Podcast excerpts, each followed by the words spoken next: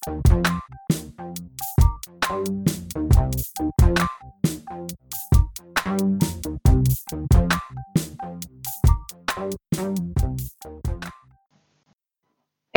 sebelum mulai, kalian sudah cek belum website terbaru dari Opsiana? Di sana kalian bisa langsung dengerin episode-episode Opsiana tanpa perlu download aplikasi apa pun loh. Kamu juga bisa subscribe channel Opsiana, jadi gue bisa kasih update terbaru kepada kalian setiap minggunya secara langsung. So, tunggu apa lagi? Langsung aja cek di www.opsiana.id lewat browser kamu atau klik link di bio Instagram Opsiana ya. Halo semuanya, balik lagi bareng gue Dwin di Opsiana Podcast. Di episode podcast kali ini gue akan bahas seputar tips and trick yang berhubungan dengan dunia perkuliahan. Nah, seperti yang kita tahu semuanya bahwa dunia perkuliahan adalah salah satu dunia yang dapat membentuk seseorang menjadi seorang tenaga kerja profesional yang nantinya akan tersebar ke seluruh penjuru dunia bekerja uh, di perusahaan nasional atau di perusahaan swasta, bahkan ada juga yang membuat bisnis. Tapi yang kita tahu juga ternyata universitas itu kebanyakan mempersiapkan kita hanya dari sisi hard skill secara optimal. Dan dari sisi soft skill itu sendiri pun sekarang mulai banyak uh, dipelajari namun belum optimal. Oleh karena itu ya kita sendiri pun harus turun tangan langsung dalam mengembangkan pribadi kita sehingga ketika kita sudah lulus nanti kita menjadi salah satu tenaga kerja yang berkualitas. Tapi ternyata nggak segampang itu men. Banyak hal yang harus kita persiapkan sebelum kita bekerja dan hal-hal tersebut pun harus kita persiapkan semenjak kita masih berada di bangku kuliah. Hal ini sih bertujuan agar ketika kita udah lulus kita bisa langsung join ke perusahaan atau pekerjaan yang kita inginkan sehingga tidak ada rentang waktu untuk mempersiapkan diri lagi. Oleh karena itu, di podcast kali ini gue pengen bahas hal-hal yang harus dipersiapkan sebelum lulus kuliah untuk bekerja. So, mari kita masuk ke poin pertamanya. Poin pertama adalah yang paling penting yaitu kita harus tahu dulu, kita harus mempersiapkan dulu rencana masa depan karir yang akan lo incar itu seperti apa. Sebenarnya merencanakan masa depan karir itu pun sudah harus dilakukan sejak kita masih berada di bangku SMA, di mana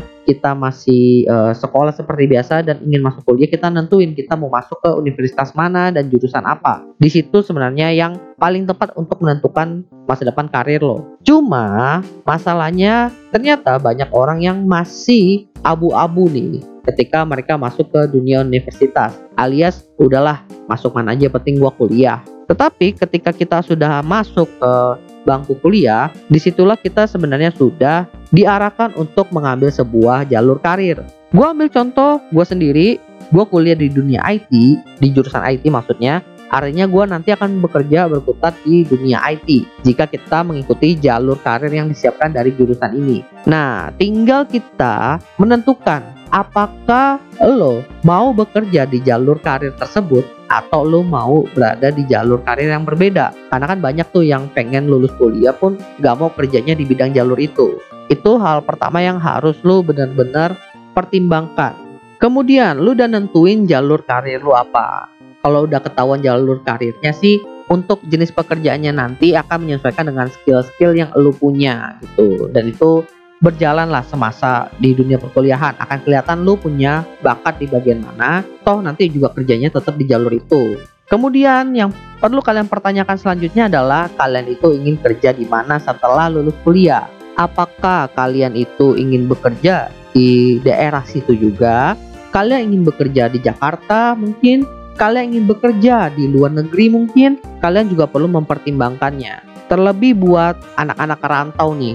Anak-anak rantau itu kan pasti punya kampung halaman. Pertanyaannya, apakah kalian akan bekerja di kota tempat kalian berkuliah atau kalian akan memilih pulang ke kampung halaman dan mencari perusahaan yang memiliki pekerjaan yang ingin kalian incar? Hal ini bisa dibilang cukup penting ya. Kenapa kita harus tahu kita mau kerja di daerah mana? Karena hal ini menentukan besar gaji standar di daerah tersebut. Karena setiap daerah di Indonesia itu pun uh, gaji UMR-nya itu berbeda-beda. Dan tentunya secara otomatis hal ini juga berpengaruh kepada biaya hidup kalian ketika nanti kalian memilih bekerja di daerah mana. Tapi ya kalau kalian masih bingung memilih kerja di mana, kalian bisa melakukan riset dulu. Risetnya seperti apa? Kalian bisa dengerin di episode 12 season 2 Opsiana Podcast sebelumnya karena udah pernah gue bahas di situ gimana cara riset daerah lokasi gitu untuk nentuin besaran UMR atau jenis pekerjaannya seperti itu. Kemudian pertanyaan ketiga yang harus kalian jawab dalam merencanakan masa depannya itu adalah kalian mau kerja di perusahaan seperti apa? Apakah kalian ingin bekerja di perusahaan startup atau kalian ingin bekerja di perusahaan korporat? Gua udah pernah kerja di dua jenis perusahaan seperti ini dan menurut gua kulturnya berbeda.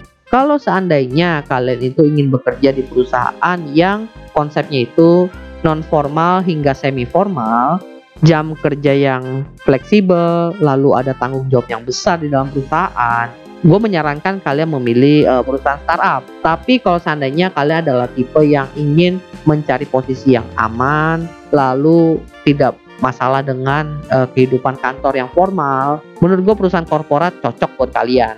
Tentunya dua jenis perusahaan ini ada plus ada minusnya. Setelah kalian udah memilih nih mau kerja di antara startup atau korporat, barulah kalian cari beberapa perusahaan yang sesuai dengan keinginan kalian Tujuannya apa? Ini adalah menjadi referensi kalian ketika nanti kalian itu ingin melamar pekerjaan ke perusahaan seperti apa. Kalian bisa mempelajari dulu perusahaan tersebut, visi misinya, sehingga uh, kalian bisa mempelajari ilmu-ilmu yang mungkin nanti akan berguna di tempat mereka. Misalnya, kalau seandainya kalian itu mengincar perusahaan seperti perusahaan F&B misalnya, kalian bisa mempelajari uh, sekitar pasar-pasar F&B Bahkan ya untuk industri yang sama aja misalnya industri keuangan gitu. Produk perbankan, produk asuransi, produk investasi itu beda jenisnya dan mereka juga biasanya ada perusahaan sendiri-sendiri. Meskipun masih di satu industri tapi ilmunya beda. Kalian tinggal pelajarin mau yang ke mana. Karena kalau udah tahu kalian udah mau masuk ke bidang yang mana, industri seperti apa, kebanyakan nanti perjalanan karir kalian itu nggak bakal jauh-jauh dari sana. Seperti itu. Kemudian pertanyaan terakhir. Sebenarnya ini pertanyaan filosofis sih, tapi cukup penting. Apa yang lo cari dari pekerjaan yang nanti akan lo kerjakan? Banyak yang bilang, gue pengen punya perjalanan karir yang menanjak. Ada juga yang bilang, gue pengen punya karir yang aman. Nah, dari pertanyaan ini pun sebenarnya sudah membantu kita untuk mengarahkan diri kita sendiri dalam memilih pekerjaan dan perusahaan apa yang ingin kita kerjakan nantinya. Balik lagi kalau seandainya lu mau cari aman, mungkin lu cari korporat yang benar-benar udah gede gitu. Kalau lu mau cari jabatan, mungkin lu cari perusahaan startup yang lagi naik-naiknya. Di situ lu bisa turut berkontribusi dan punya uh, kemungkinan besar untuk naik jabatan. Atau mungkin kalian tidak mengincar uh, jabatan, tapi kalian mengincar kontribusi dan value dari perusahaan tersebut. Kalian mungkin bisa mencari perusahaan korporat yang sudah menerapkan uh, konsep dari startup itu sendiri. Mungkin seperti Tokopedia, kan banyak tuh yang startup-startup sekarang yang sudah jadi korporat. Nah, dari sini sih udah harusnya udah terbentuk ya uh, kalian itu ingin punya masa depan karir seperti apa. Tapi ini masih rencananya. Mungkin kalian ingin menambah rencana kalian lebih detail lagi seperti kalian yang bekerja di perusahaan pertama kalian sekitar 2 tahun, lalu pindah ke perusahaan yang lebih besar, lalu 2 tahun lagi. Bisa seperti itu. Yang penting kalian udah tahu jalur pekerjaannya seperti apa, mau kerja di mana, perusahaan yang dituju seperti apa. Kemudian kita mulai masuk ke bagian yang sudah bukan rencana, melainkan benar-benar persiapan untuk masuk ke dunia kerjanya. Hal pertama yang harus kalian lakukan yaitu mulailah membangun atau juga memperbaiki attitude kalian. Ya elah Win, ngomongin attitude ribet amat. Gue kan anak muda, hidup gue lah bebas lah. Nggak bisa seperti itu, men. Karena dunia kerja itu berbeda dengan dunia kuliah. Di dunia kuliah kalian mungkin bisa menganggap semua orang itu teman kalian. Sedangkan di dunia kerja, tidak semua orang bisa menjadi teman kalian. Apalagi kalau seandainya orang itu adalah orang yang baru kalian kenal. Dan hal pertama yang akan dilihat orang itu apalagi seorang yang profesional adalah attitude kalian ketika pertama kali bertemu dan juga cara berkomunikasi kalian. Salah satu yang paling simple yaitu cara mengirim email. Nah, ini banyak banget nih keluhan-keluhan dari para HR yang ada di LinkedIn, lalu di Twitter juga ada, lalu juga teman-teman gua bahwa banyak orang yang tidak bisa mengirim email dengan baik dan sopan.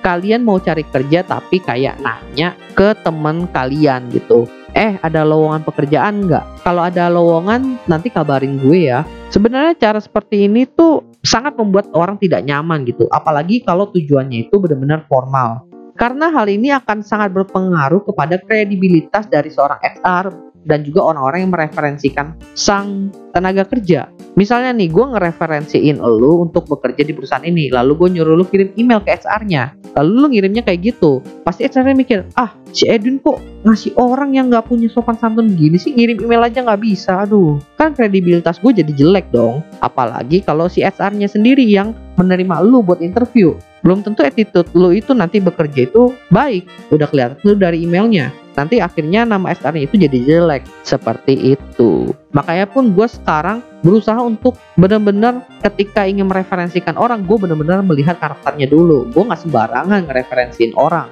Even skill lu itu benar-benar oke okay, bagus dan sesuai dengan mereka gue selalu bilang tapi masalahnya ada di attitude nih. Mau nggak? Ya jangan deh kalau masalah attitude. Ujungnya pasti selalu kayak gitu obrolannya.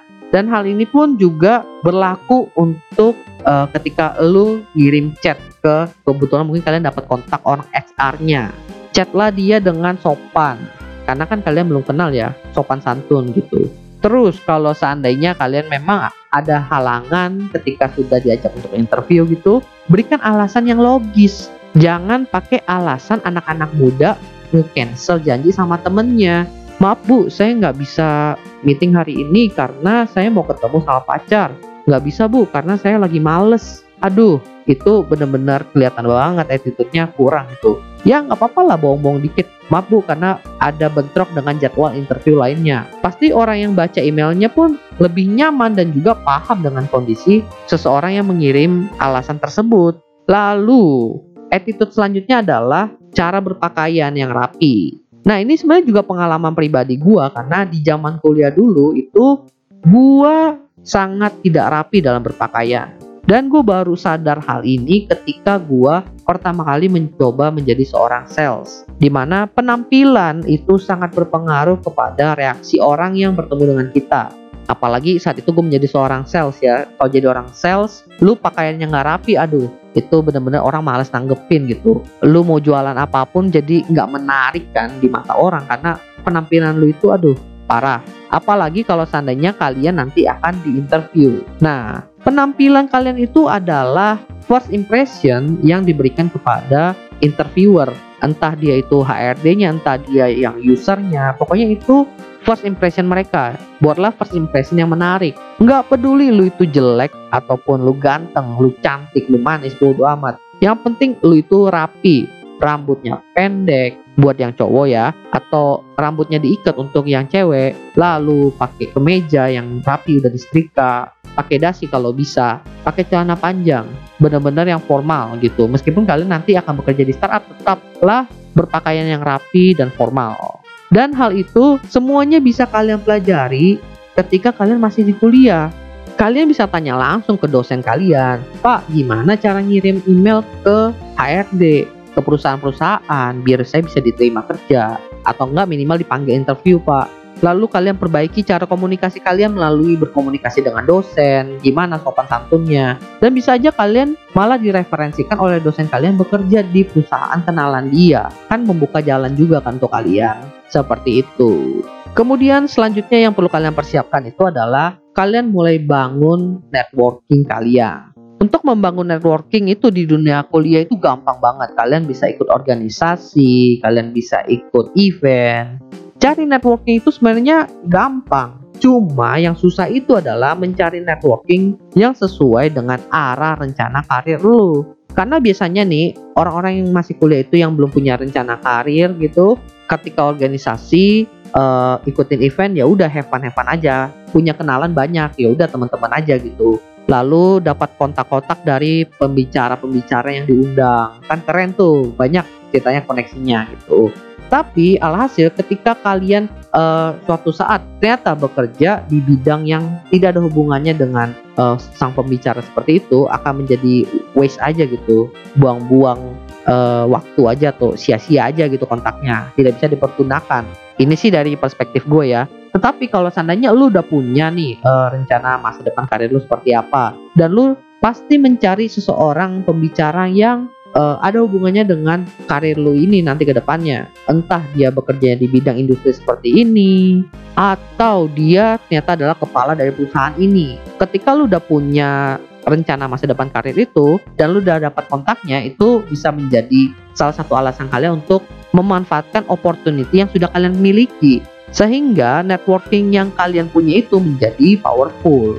Lalu poin selanjutnya yaitu mulailah ngebuat CV dan portofolio kalian. Hal ini bisa dilakukan dan lebih baik dilakukan saat kalian masih kuliah karena kalian itu masih fresh-freshnya. Ibarat pengalaman masih baru-baru ini, kalian masukin aja dulu dulu di CV dan portofolio kalian.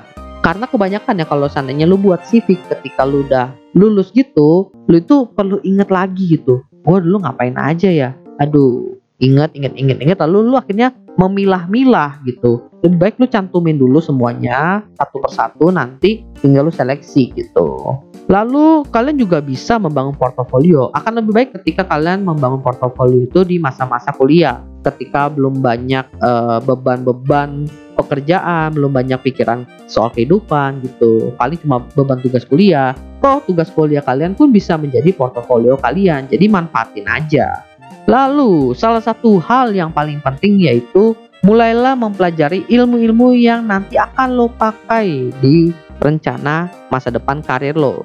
Bersyukurlah kalau seandainya rencana masa depan karir lo itu masih di jalur yang sama dengan dunia kuliah lo. Artinya kalian cuma perlu nambah-nambah dikit, uh, istilahnya ya update-update ilmu-ilmu terbaru lah yang berguna di dunia pekerjaan gitu. Karena pasti uh, pembelajaran di universitas ada yang out to date juga. Jadi kalian perlu update. Tapi kalau seandainya kalian itu ternyata rencana karirnya itu melenceng dari jurusan kalian, ya kalian tetap harus punya ilmu yang bakal kalian pakai sebagai modal kalian untuk melamar pekerjaan itu. Dan poin terakhir yaitu usahakan kalian untuk lulus kuliah.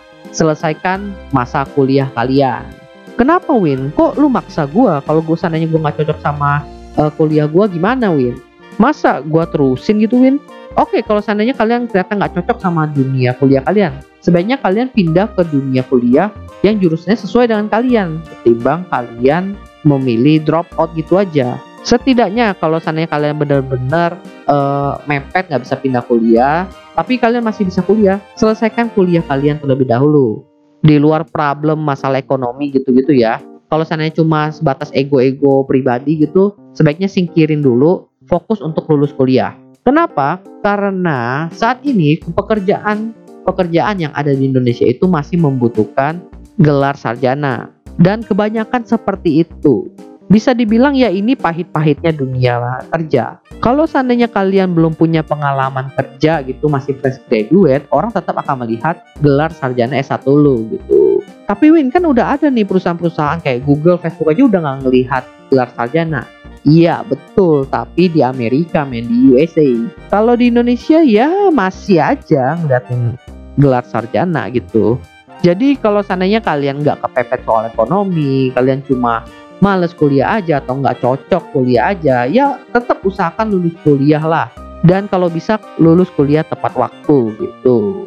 Oke, jadi itulah beberapa tips hal-hal yang harus dipersiapkan sebelum lulus kuliah untuk bekerja nantinya. Semoga bermanfaat untuk teman-teman semua. Jangan lupa ya subscribe newsletternya Opsiana di www.opsiana.id karena dari situ gue akan update info-info terbaru dari Opsiana seperti episode terbaru dari Opsiana atau mungkin ada event-event menarik atau kalian juga bisa follow Instagram Opsiana Podcast di @opsiana_media.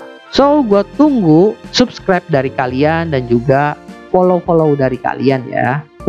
Gua rasa itu aja. Thank you buat yang udah ngedengerin Opsiana Podcast. See you next time di episode selanjutnya. Bye.